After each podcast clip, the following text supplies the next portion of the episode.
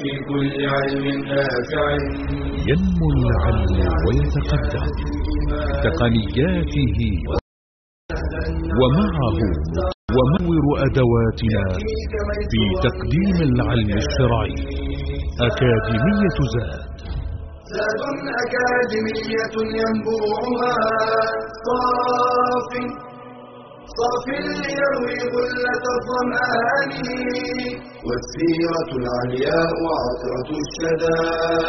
طيب يفوح لأهل كل زمان. بشرى لنا ذات أكاديمية للعلم كالأزهار في البستان. بسم الله الرحمن الرحيم. الحمد لله رب العالمين. وصلى الله وسلم وبارك على المبعوث رحمة للعالمين نبينا محمد وعلى آله وصحبه أجمعين. أما بعد السلام عليكم ورحمة الله وبركاته. عندما نزل قول الله عز وجل يا أيها المدثر قم فأنذر. أصبح لزاما على رسول رب العالمين عز وجل أصبح لزاما على النبي صلى الله عليه وآله وسلم أن يبلغ الرسالة. والرسول صلى الله عليه وآله وسلم من حكمته أنه بدأ بما يعرف بالدعوة السرية واستمرت ما بين السنتين والثلاث سنوات وهو المشهور والراجح. هذه الثلاث سنوات كان النبي صلى الله عليه وآله وسلم يدعو المقربين منه وهو محل اجتهاده. من رأى أنه قابل للدعوة محب لها نافع لها بإذن الله عز وجل فكان يدعوه. ونلاحظ في الدعوة السرية أن النبي صلى الله عليه وآله وسلم لم يتخير ما يعرف بالعصبية القبلية. بمعنى أنه ما تخير فقط أولئك الذين هم من جماعته أو من عشيرته أو من قبيلته لأن هذا ضار بالدعوة. دعوة الإسلام عالمية الاتجاه. فلو تخير عليه الصلاة والسلام فقط من أمته من قبيلته ومن عائلته لرفض أكثر الناس هذه الدعوة. وهذا ما فعله أبو جهل عمرو بن هشام. فرعون هذه الأمة عندما كان في لحظة صفاء مع بعض أقرانه من المشركين يتسللون خفية لاستماع حديث النبي عليه الصلاة والسلام والقرآن في الليل حتى إذا افتضح أمرهم بعضهم لبعض. تلاوموا وتعاهدوا على أن لا يعودوا إلى ذلك أبدا ثم عادوا. ففي لحظة صفاء سأله بعضهم ألا تعلم أن محمدا صلى الله عليه وسلم على الحق؟ قال هذه يعني المشكلة الأزلية. تنافسنا وتسابقنا فأطعموا الحجيج وأطعمنا وسقوا وسقينا وعملوا وفعلوا وفعلنا حتى إذا كنا كفر سيرهان أبو جهل يقول نحن بنو أمية وبنو هاشم. كنا إذا كنا كفر سيرهان في السباق. قالوا منا نبي يأتيه يوحي السماء. فأنا ندرك ذلك؟ لا والله لا آمنا به أبدا. إذا كما قال عز من قائل وجحدوا بها واستيقنتها أنفسه أنفسهم ظلما وعلوا. إذا الكافر يقر في داخلة نفسه أن هذا الدين هو الحق. الفاسق المعاند يقر أن هذا الدين هو الحق ولكن ربما يعاند ربما يجحد وهذا كفر الجحود. نسأل الله العافية. هذا قد يوجد في الإنسان. كل بحسب طبعه. لذا النبي عليه الصلاة والسلام لم يتخير قبيلته. إنما كانت دعوته عامة لجميع القبائل ولجميع العشائر. كل من ينصر الدين فهو منا. وهذا فائدته أنه لا يؤلب عشيرة على أخرى ولا قبيلة على الأخرى بل أمر مفتوح للجميع. حرا كنت أم عبدا. ونجد أن في المرحلة السرية النبي صلى الله عليه وآله وسلم أظهر حكمة بالغة وهو ما يحتاجه أكثرنا في هذه الأيام الحكمة. ومن يؤتى الحكمة فقد أوتي خيرا كثيرا. والحكمة هي وضع الشيء في موضعه. إن شتمك أحد كل منا يستطيع أن يثور ويغضب وربما فعل ما لا تحمد عقباه. لكن قلة هم الذين يستطيعون أن يتحكموا في غضبهم أن يحلموا وأن يفكروا في العواقب. الله عز وجل أخبرنا عن أصحاب الكهف فقال عندما قال بعضهم لبعض أنه يعني يأخذ أحدكم بورقكم هذه إلى المدينة. يعني خذوا هذه القروش هذه الفلوس واحد منكم يذهب وليأتنا بطعام. لكن انظر ماذا قالوا فليأتكم برزق منه وليتلطف. ولا يشعرن بكم أحدا إنهم إن يظهروا عليكم يرجموكم أو يعيدوكم في ملتهم ولن تفلحوا إذا أبدا. انظر إلى الحكمة. نحن نفتقد في عالمنا الإسلامي هذه الحكمة. أول ما يظهر شارب أحدهم حتى يعلو صوته وينادي بالجهاد وينادي بالتغيير وينادي بالثورات وينادي سبحان الله العظيم. الله عز وجل رخص للمسلمين إذا قابلوا جيشا ضعف عددهم أكثر من ضعف العدد أن يفروا وهم كرار وليس بفرار كما قال عليه الصلاة والسلام لجيش خالد بن الوليد في معركة مؤتة عندما قابلوا جيشا عظيما وسيأتي معنا إن شاء الله. لو مكثوا وثبتوا لقتلوا عن بكرة أبيهم والإسلام لا يريد هذا. تخيل في بداية الدعوة السرية أن الرسول عليه الصلاة والسلام يقوم أو أن أحد أصحابه يقوم فينكر المنكر أو يكسر شيئا أو يضرب أحدا فيقوم المشركون فيقتل الإسلام برمته. هل هذا مما يرضي الله عز وجل؟ قطعا لا. لكن الحكمة يفتقدها كثيرون ممن ينتسبون إلى الدعوة وإلى العمل الإسلامي. لابد أن تعرف الحكمة. النبي عليه الصلاة والسلام ثلاث سنوات. يدعو الناس في السر. وأول من بدأ بهم الناس به صلى الله عليه وسلم. ونعلم أن أول من آمن بالنبي عليه الصلاة والسلام أمنا خديجة بنت خويلد رضي الله عنها وأرضاها. تلك المرأة الكاملة تلك المرأة العاقلة وتقدم معنا كيف واست النبي عليه الصلاة والسلام وكيف كيف أخذت به إلى ورق بن نوفل الذي بشره بتلك البشارة وأول من آمن به من الرجال صديقه الحميم أبو بكر الصديق وهو عبد الله بن عثمان ابن أبي قحافة. أبو قحافة اسمه عثمان رضي الله عنه ورضي عن أبيه ورضي عن أولاده. الصديق الذي أبهر الدنيا بتصديق كل ما يقوله صلى الله عليه وآله وسلم ولذلك سمي بالصديق. وسبحان الله الطباع متشابهة. وكما قيل الصاحب ساحب. والطيور على أشكالها تقع.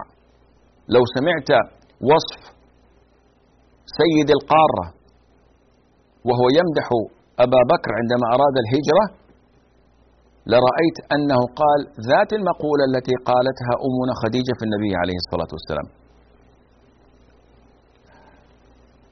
أما من آمن به من الصبيان فأول من آمن به كان علي بن أبي طالب ابن عمه الخليفة الراشد وزوج ابنته فاطمة رضي الله عنهما. آمن وهو ابن ثمان وقيل سبع سنوات. وقد أخذه الرسول عليه الصلاة والسلام في كفالته رفعا عن العبء المادي على عمه أبي طالب لأنه كان كثير العيال قليل ذات اليد. وأما أول من آمن بالنبي عليه الصلاة والسلام من الموالي والموالي هم عبيد الذين تريد تحريرهم وعتقهم فأصبح ولاؤهم لمن أعتقهم كما جاء في الحديث الولاء لمن أعتق حديث عائشة وبريرة رضي الله عنهما عندما اعتقتها واشترط أهلها الولاء. فالولاء هذا لحمة كلحمة النسب ويحصل به الإرث وليس هذا موضوعنا. فزيد ابن حارثة رضي الله عنه وأرضاه هو حب النبي عليه الصلاة والسلام. اشتراه حكيم ابن حزام وأهداه لعمته خديجة التي بدورها أهدته للنبي عليه الصلاة والسلام فأصبح عبدا له والرسول صلى الله عليه وآله وسلم أحبه حبا جما حتى أنه تبناه وكان التبني في صدر الإسلام مسموحا به وكان لا يعرف بين الناس إلا باسم آه، زيد ابن محمد. وهو الصحابي الوحيد الذي جاء ذكره في كتاب الله عز وجل. فإذا هؤلاء هم الذين كانوا أول من أسلم به. أو أول من آمن به واتبعوه. ويقال إن أوائل المسلمين في تلك الفترة كانوا قرابة المئة والثلاثين. فنذكر مثلا ممن أسلم على يد أبي بكر. وسبحان الله لما تنظر إلى أن أول من يؤذن له بدخول الجنة من أمة محمد صلى الله عليه وسلم هو أبو بكر. وأنه خير هذه الأمة بلا, بلا منازع مطلقا. على ماذا؟ لو أنك ذهبت تستطرد وتقرأ في سيرته لعرفت يكفيك أنه رضي الله عنه وأرضاه هو السبب في دخول خمس أو ست من العشرة المبشرين بالجنة إلى الإسلام فهو الذي دعاهم هو الذي دعا عثمان بن عفان هو الذي دعا طلحة بن عبيد الله والزبير بن العوام وسعد بن أبي وقاص وسعيد بن زيد بن عمرو بن نفيل رضي الله عنهم جميعا دعاهم إلى الإسلام. وعبد الرحمن بن عوف هؤلاء ستة. أسلموا بسبب أبي بكر. فانظر ماذا في موازين حسناته يوم القيامة رضي الله عنه وأرضاه. سعد ابن أبي وقاص يروي لنا أنه كان ثلث الإسلام.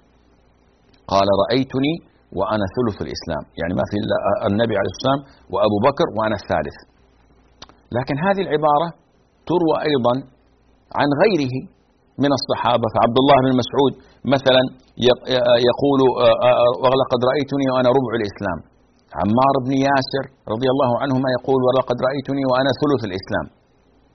فالعلماء نظروا إلى تلك وغيرهم كثير. العلماء نظروا إلى هذه الروايات المختلفة وافتخار كل واحد منهم بأنه كان ثلث أو ربع الإسلام أو شيء من هالقبيل ووضعوا لها تفسيرا جميلا ألا وهو أن من سرية الدعوة في المرحلة السرية أن الإنسان كان يسلم ولا يدري من أسلم غيره. فالرسول عليه الصلاة والسلام حفاظا على الجماعة وحفاظا على حياة الآخرين. وعلى مصلحة الدعوة كان صلى الله عليه وآله وسلم لا يفشي الأسرار كما يفعل البعض. إذا فاز بقطعة أرض أو إذا تقدم شبرا أو إذا فعل أمرا ربما يكون في مصلحة الإسلام إذ به يعلن به في أنحاء الدنيا. وأنا سويت وأنا فعلت وأنا عملت. فيتكالب عليه أعداء الإسلام فيصمتوه البتة. ليس هذا من الحكمة وليست هذه هي من سنة النبي صلى الله عليه وسلم الذي قال استعينوا على إمضاء حوائجكم بالكتمان أو بالكتمان فإن كل ذي نعمة مغبول أو كما قال صلى الله عليه وسلم. فاصل ونواصل بإذن الله عز وجل.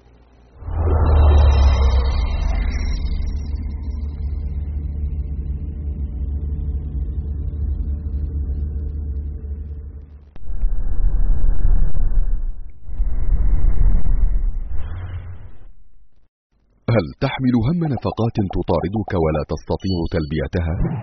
هل فكرت في أي حلول لسد هذه النفقات؟ أم أن أول ما تفكر فيه هو الاستدانة؟ فلتسأل نفسك هل سأقترض لأمر ضروري؟ هل وقت الاقتراض مناسب؟ هل المبلغ الذي سأقترضه سيؤثر على ميزانية الأسرة؟ كيف سيسدد الدين؟ وكم سيستغرق من الوقت. واعلم أن الدين وإن كان جائزا إلا أن أمره خطير. ولذلك استعاذ منه النبي صلى الله عليه وسلم فقال اللهم إني أعوذ بك من المأثم والمغرم. كما أنه صلى الله عليه وسلم لم يصل على من مات وعليه دين. فلا ينبغي لعاقل أن يورط نفسه في الدين لأمور ترفيهية أو تكميلية. لأن الدين يصيب بالهم والغم وقد يوقع في الكذب وإخلاف الوعد والمشكلات الأسرية ويستحب للدائن أن يخفف عن المدين. وقد وعد الله المقرض اجرا عظيما على تفريجه كربة مسلم.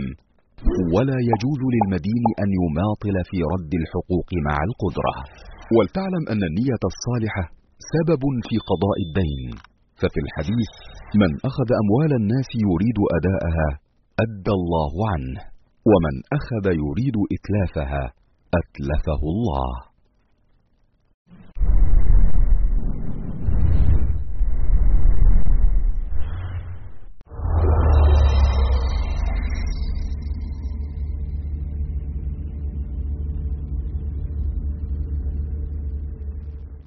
السلام عليكم ورحمة الله. الآن الدعوة السرية قد بدت. وقريش تعلم عنها يعني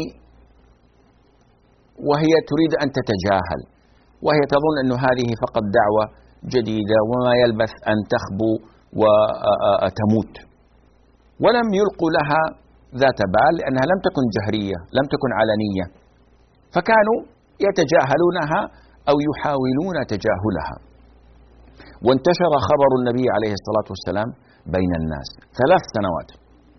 هل كان يدعوهم إلى الزكاة إلى الحج إلى العمرة؟ أبدا. لم تكن هنالك عبادات أو معاملات بمفهومنا نحن إلا أنهم خوطبوا بالصلاة وهي أعظم العبادات. طيب إلى ما كان يدعوهم صلى الله عليه وسلم؟ قال أهل العلم. كان النبي صلى الله عليه وسلم يدعوهم إلى التوحيد. وكم يستخف الجهلة بالتوحيد؟ قال توحيد. لا إله إلا الله محمد رسول الله انتهى الموضوع. ابدا. توحيد الربوبية توحيد الألوهية توحيد الأسماء والصفات. إذا أنت لم تعرف من تعبد ولا لم تعرف صفاته ولم تعرف أسماءه كيف لك أن تعبده حق العبادة؟ لا بد أن هنالك خللا عظيما في عقيدتنا في توحيدنا الذي أدى بالمسلمين إلى ما نراه من هذا الهوان. لأنهم لو عبدوا الله عز وجل وأقاموا أمره وأقاموا حدوده لما كان هذه حالنا. ثلاث سنوات دعوة سرية. النبي عليه الصلاة والسلام يدعوهم إلى الله عز وجل يعرفهم بالله سبحانه وتعالى. يريهم آيات الله عز وجل الكونية وآيات الله تعالى الشرعية يحفظهم كتاب الله سبحانه وتعالى يعلمهم الذكر يعلمهم حقيقة التوحيد من توكل خالص تام على رب العباد عز وجل ألا تستنصر لنا ألا تدعو الله لنا ألا ترى ما بنا قال إنكم تستعجلون والله ليتمن الله هذا الأمر هذا ما كان يربيهم عليه النبي عليه الصلاة والسلام. وهذا ما نحن في أمس الحاجة إلى التربية عليه لا إلى الدعوة إلى القتال والتفجير والتكسير والعنف. وما هذه بسنة الرسول صلى الله عليه وسلم ولا هذا بهديه ولا بسنته. قال يا محمد هذا ملك لم ينزل قبل الساعة أمره الله أن يأتمر بأمرك. قال أنا ملك الجبال أنا ملك الجبال. وإن شئت أطبقت عليهم الأخشبين. أمرني الله عز وجل أن أطيعك. ماذا تريد يا رسول الله؟ قال لا. فإني والله لأرجو أن يخرج الله من أصلابهم من يدعو الله ولا يشرك به أحدا. سبحان الله. مش هم الذين يؤمنون أن يخرج الله من أصلابهم. هل هذا نبي التدمير والتفجير؟ هل هذا نبي العنف؟ أم هو نبي السلام ونبي الرفق؟ نبي المحبة للجميع حتى لمن عاداه وآذاه صلى الله عليه وآله وسلم.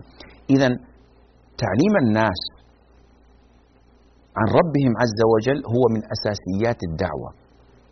لا تعليمهم أضع يدي اليمنى على اليسرى فوق الصدر أم تحت السرة. هل أنزل أولا على يدي أم أنزل على ركبتي؟ هذه طيبة الأمور هذه من السنة ومن العلم.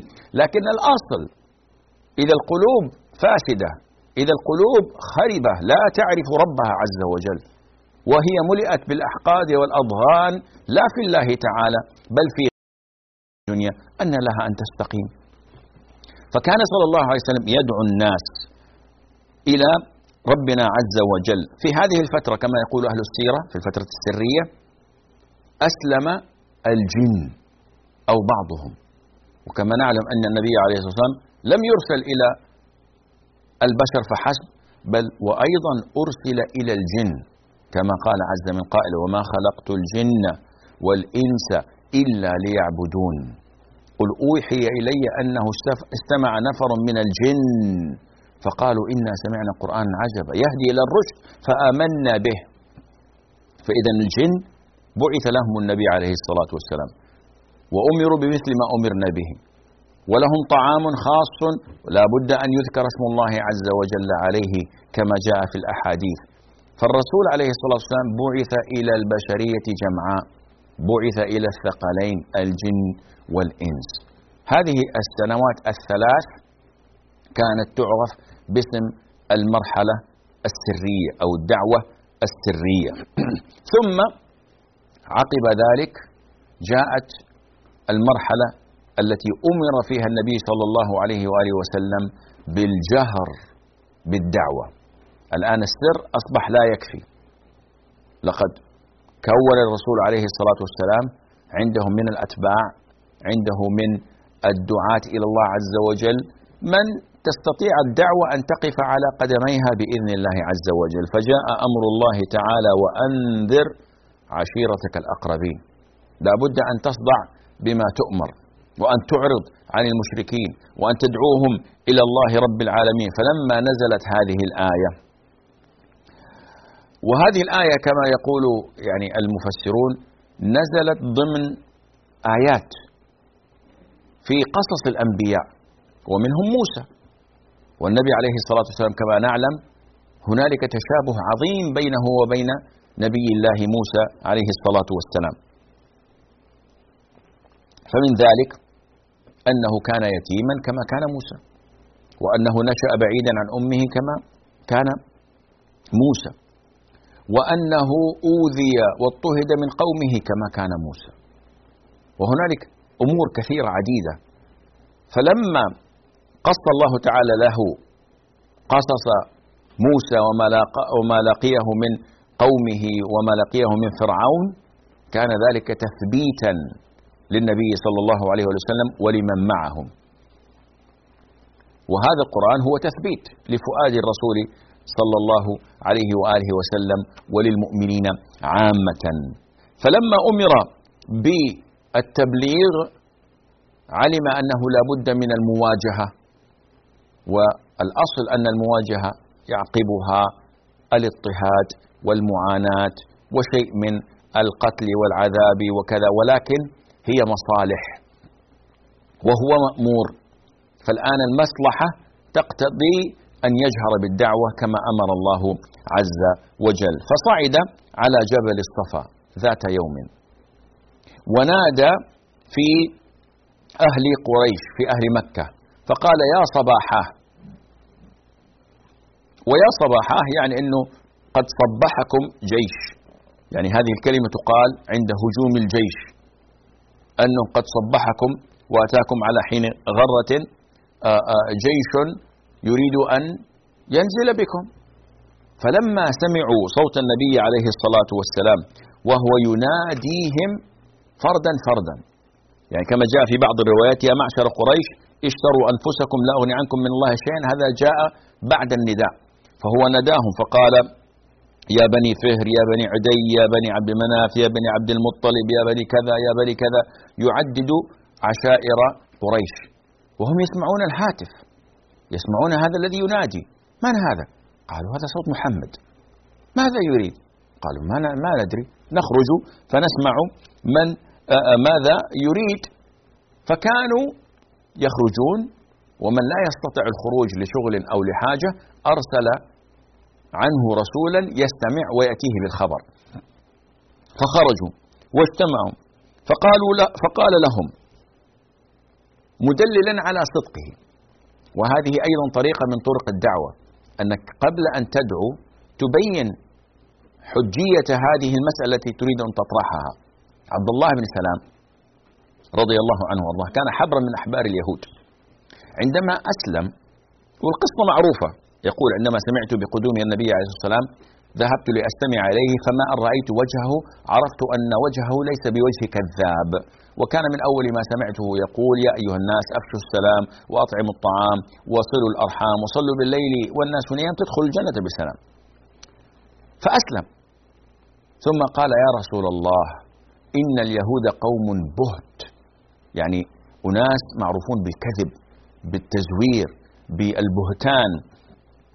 فيعني ادعهم وسلهم عني قبل أن تخبرهم بإسلامي. فدعا الرسول عليه الصلاة والسلام أحبارهم وكبراءهم واشرافهم وجعل عبد الله بن سلام يتخبى خلف ستارة. فقال لهم أي رجل فيكم عبد الله بن سلام؟ فقالوا خيرنا وابن خيرنا سيدنا وابن سيدنا عالمنا وابن عالمنا. فخرج من وراء الستار ويقول أشهد أن لا إله إلا الله. فقالوا شرنا وابن شرنا وكذا وكذا وذموا فيه. كما ظن. فالتقديم بوضع الحجة قبل إبدائها هذا يفيد. فالرسول صلى الله عليه وسلم سألهم.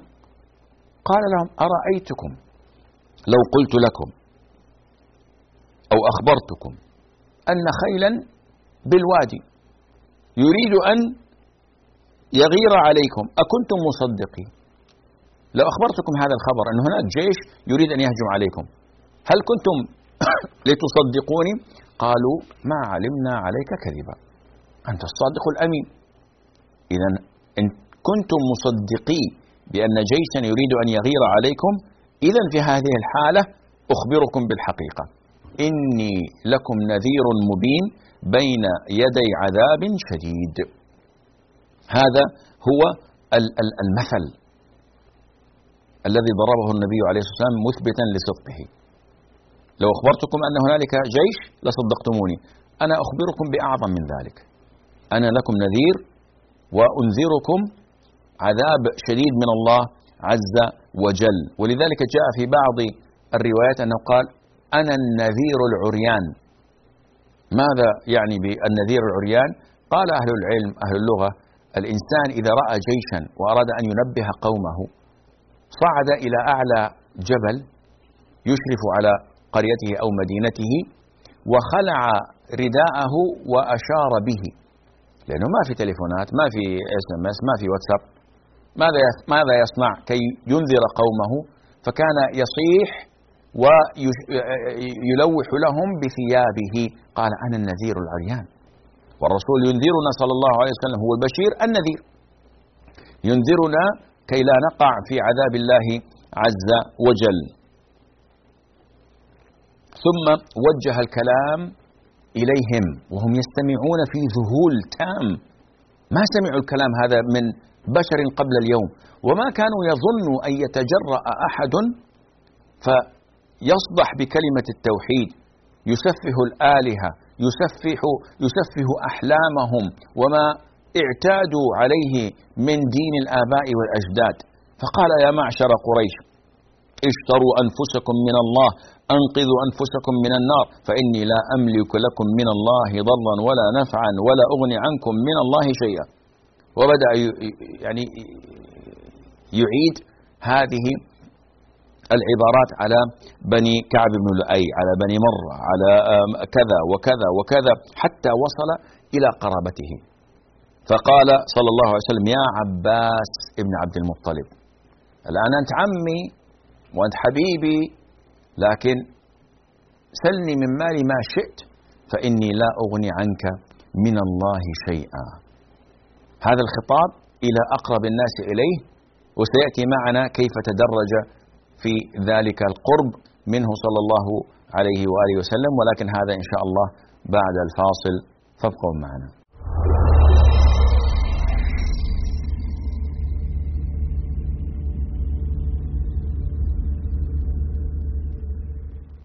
إذا أحببت أن تتعرف على دينك أكثر أن تزداد علما وتنهل خيرا أن تسمع وترى ما يقربك من ربك ويحببك في نبيك وتزكو به نفسك. في قناة زاد تجد ذلك وأكثر. تصفح وتجول في واحة إيمانية من مقاطع مميزة من إنتاج مجموعة زاد. تتنوع بين المادة العلمية والرقائق الإيمانية والفواصل الدعوية المحترفة إعلامية والمؤصلة منهجية. تخاطب الرجال والنساء الكبار والصغار تدعو البعيد وتؤنس القريب. مقاطع motion graphic مميزة دورات علمية متخصصة فواصل درامية شيقة لقاءات دعوية ممتعة برامج تلفزيونية وندوات شرعية. شاهد شارك. انشر. رياض الأصالة زاد المنى تضيء الليالي وتمحو الدجى تفوح بطيب الكتاب المبين على نسمات الهدى والصفاء على نسمات الهدى والصفاء سبيل الرشاد بشير العباد رحيق الشهاد وقطر الندى. هي الزاد زاد العلا والدنا وزاد التقى. إذا الحياة وزاد التقى. مشاعل خير تنير البلاد. مناهل تروي أنين الجوى. إذا هزني الشوق نحو السنا قناتي يزاد رفيق السرى. قناتي يزاد رفيق السرى.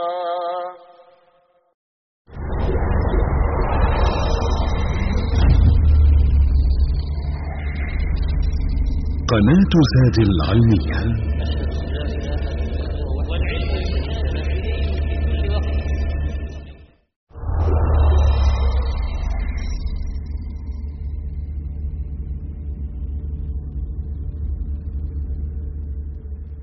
السلام عليكم ورحمة الله. فالنبي عليه الصلاة والسلام كما توقفنا قبل الفاصل دعا أعيان قريش.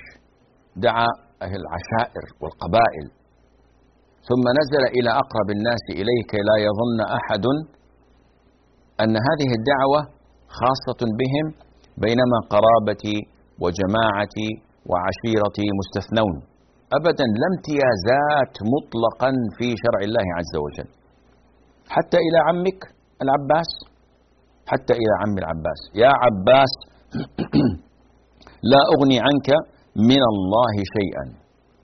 هذا العباس عم النبي عليه الصلاة والسلام وهو قريب منه في السن ولذلك من فقهه رضي الله عنه وأرضاه أنه سئل أيهما أكبر أنت أم النبي عليه الصلاة والسلام؟ فقال الرسول صلى الله عليه وسلم أكبر مني ولكني ولدت قبله. انظر إلى الأدب الجم مع مقام ومكانة النبي عليه الصلاة والسلام. مقام النبوة أمر عظيم. أي نعم أنا عمه أخو أبيه ولكن ما أستطيع أن أقول أنا أكبر منه لأن في هذا سوء أدب. لا أحد أكبر من النبي عليه الصلاة والسلام. وإن كان الكبر والمقصود به السن لكن أيضا لا أستخدم لفظا موهما. لذلك قال هو أكبر مني ولكني ولدت قبله. صلى الله عليه وآله وسلم. فالعباس القريب الحبيب إلى قلبي لا أغني عنك من الله شيئا. ثم دخل إلى من هم أقرب فقال يا صفية بنت عبد المطلب سليني من مالي ما شئت فإني لا أغني عنك من الله شيئا. أمور الدنيا سليني ما شئت.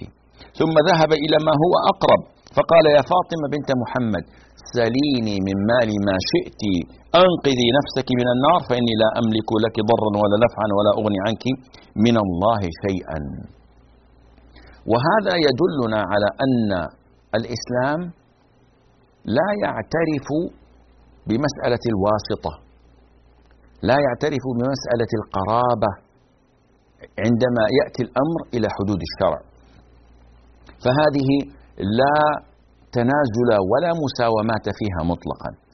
شرع الله عز وجل لا يقوم إلا بالعدل وإن اختل ميزان العدل فحابيت هذا من أجل قرابته أو هذا من أجل صداقته.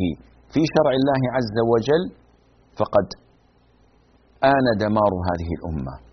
قال عليه الصلاة والسلام حد يقام في الأرض خير لهم من أن يمطروا أربعين صباحا. أو كما قال لأن الحدود هذه ما فيها لعب. شرع الله ما فيه لعب. قال يا أسامة أتشفع في حد من حدود الله ويم الله؟ أو وأيم الله؟ همزة قطع. وأيم الله؟ لو أن فاطمة بنت محمد سرقت لقطعت يدها. ما في لعب. ولذا وبهذا كان الإسلام هو الدين الحق. دعا النبي عليه الصلاة والسلام الناس وهم في ذهول تام. لم يرد عليه أحد. حتى انتهت مقولته وأرادوا الانصراف أو كادوا قام عمه أبو لهب. فقال له تبا لك سائر اليوم. ألهذا جمعتنا؟ سبحان الله. عمه يقول هذا الكلام المسيء والأغراب والأجانب قبلوا كلامه ولم يعلقوا احتراما له ومعرفة لمكانته وتصديقا لأمانته وصدقه صلى الله عليه وآله وسلم. ولذلك ظلم ذوي القربى أشد وأنكى على القلب من ظلم غيرهم. أبو لهب هذا كان له مواقف سيئة. أولها هذا. مع أنه كان عند ولادة النبي عليه الصلاة والسلام فرحا ولذلك أعتق ثويبة رضي الله عنها وهي مرضعة النبي عليه الصلاة والسلام عندما بشرته بولادة النبي صلى الله عليه وسلم. ويروى في ذلك حديثا ضعيفا أنه خفف عن أبي لهب يوم الاثنين فقط. لأنه أعتق ثويبة فرحا بمولده وهذا حديث لا يصح. لكن الشاهد مواقفه سيئة ابتداء من ذلك اليوم. حينما صدح بقوله تبا لك سائر اليوم. ألهذا جمعتنا فأنزل الله عز وجل سورة تتلى إلى يوم القيامة. تبت يدا أبي لهب وتب. ما أغنى عنه ماله وما كسب. سيصلى نارا ذات لهب. وفي هذه نبوءة. لو أراد المشركون أن يكفروا بالقرآن ويجعل الناس يكفر به لقال أبو لهب آمنت أن لا إله إلا الله وأن محمد رسول الله. كي يثبت إن القرآن ليس بحق. قال ها أنا آمنت كيف سأصلى نارا ذات لهب؟ لكن ما استطاع أن يفعل ذلك لأن القرآن وحي من عند الله عز وجل عالم الغيب سبحانه تعالى. أبو لهب له مواقف بغيضة وله أذية للنبي عليه الصلاة والسلام. حتى امرأته التي وصفها الله تعالى بقوله حمالة الحطب يوم القيامة في جيدها حبل من مسد تعذب بما كانت تضع من الأذى والشوك والقاذورات أمام بيت النبي عليه الصلاة والسلام وفي طريقه. وكانت تجهر بذمه وشتمه صلى الله عليه وآله وسلم وتأتي تريد أن تضرب الرسول عليه الصلاة والسلام. عندما نزلت هذه السورة أتت إلى مجلس الرسول عليه الصلاة والسلام ومعه أبي بكر ومعه أبو بكر رضي الله عنه وفي يدها فهر. في يدها حجر أو فك بعير تريد أن تضرب به النبي عليه الصلاة والسلام. وتقول لأبي بكر أين صاحبك الذي يزعم أني كذا وكذا؟ لأنه الآية هذه آية عظيمة. وامرأته حمالة الحطب في جيدها حبل من مسد تبا لأبي لهب ولزوجته. فتريد أن تضرب النبي عليه الصلاة والسلام وأبو بكر لا يعلق. حتى إذا ذهبت فقالت قال يا رسول الله يعني ما رأتني؟ ما رأتك؟ ألم تنظر إليك؟ فأخبره عليه الصلاة والسلام إن الله عز وجل أعمى بصرها عن رؤيته صلى الله عليه وسلم. أبو لهب كان له ولدان عتبة وعتيبة إما خانتني الذاكرة وكانا متزوجين أو خاطبين لابنتي الرسول عليه الصلاة والسلام رقية وأم كلثوم. فقال لولديه بعد أن نزلت هذه السورة رأسي من رأسك حرام إن بقيت أو ظللت مع ابنة محمد. فطلقها. فدعا عليه النبي صلى الله عليه وآله وسلم. أن يسلط الله عليه كلبا من كلابه. وفي رحلة تجارية إلى الحبشة أو إلى غيرها باتوا ذات يوم وهم في خوف القافلة كلها. وهو خاصة كان يخشى ذلك. فنام في وسط القوم وأصحابه متحلقون حوله وهم يسمعون أصوات الذئاب والأسود. وهو يقول أخشى أن تدركني دعوة محمد صلى الله عليه وسلم. فما أنباتوا ليلتهم تلك حتى جاء أسد عظيم يتخطى القوم وهم لا يستطيعون أن يفعلوا شيء. إلى أن وصل إلى ولد أبي لهب فالتقم رأسه وقضى عليه. وقد سلط الله عليه كلبا من كلابه. فإذا الدعوة هذه التي عارضها أول من عارضها أبو لهب عم النبي عليه الصلاة والسلام. ثم تكاثر أولئك الذين يعارضونها. قد يسأل الإنسان لماذا يعارضونها؟ وهم يستيقنون أنها الحق وهم يعلمون أنها دين إبراهيم وأنها دين أنبياء من قبل وأن هذه الأصنام لا تغني عنهم شيئا. أسباب كثيرة منها الكبر والحسد كما تقدم مع بني أمية والإلف ما ألفوه من دين الآباء والأجداد. هذا الذي منع أبا طالب من الإسلام. وكان النبي عليه الصلاة والسلام يحاول جاهدا أن يسلم يا عم يا عماه قل كلمة أشفع لك بها عند الله عز وجل قل لا إله إلا الله. وأبو جهل ومن معه يقولون أتذر آلهتك وآلهة عبد المطلب؟ وهو متردد على فراش موته. لكن سبحان الله قال هو على دين عبد المطلب فمات على كفره. وهو الذي نافح ودافع عن النبي عليه الصلاة والسلام. وهو الذي أيقن في داخلة نفسه أن النبي صلى الله عليه وسلم على الحق. وقال في ذلك أشعارا تروى. لكن سبحان الله كما أنزل الله في شأنه إنك لا تهدي من أحببت ولكن الله يهدي من يشاء.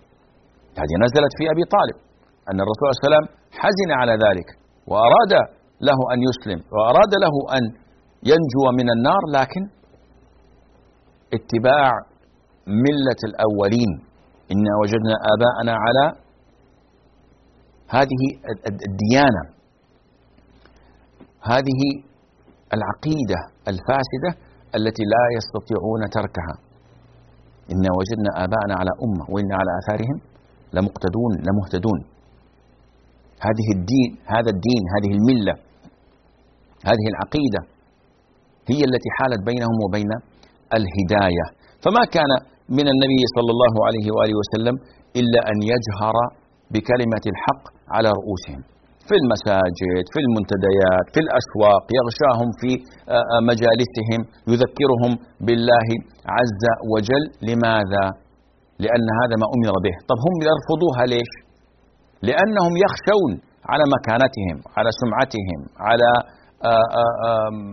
جاههم عند الناس وعلى تجارتهم حيث أنهم كانوا يتكسبون من حج الناس بالبيع والشراء ونحو ذلك مما أدى بهم إلى رفض هذا الموضوع جملة وتفصيلا رغبة منهم في أن يئدوا هذه الدعوة في مهدها وعسى إن فعلوا ذلك أن يستقيم لهم الحال على ما ألفوه. هذا كل ما اتسع له الوقت. في درس هذه آه هذا اليوم. على أمل اللقاء بكم في الدرس القادم. فإلى ذلك الحين أستودعكم الله عز وجل. والسلام عليكم ورحمة الله وبركاته. يا راغبا في كل علم نافع متطلعا لزيادة الإيمان وتريد سهلا النوال ميسرا يأتيك ميسورا بأي مكان. زاد زاد أكاديمية ينبوعها. صاف صاف ليروي غلة الظمآن. والسيرة العلياء عطرة الشدى. طيب يفوح لأهل كل زمان. بشرى لنا زاد أكاديمية للعلم كالأزهار في البستان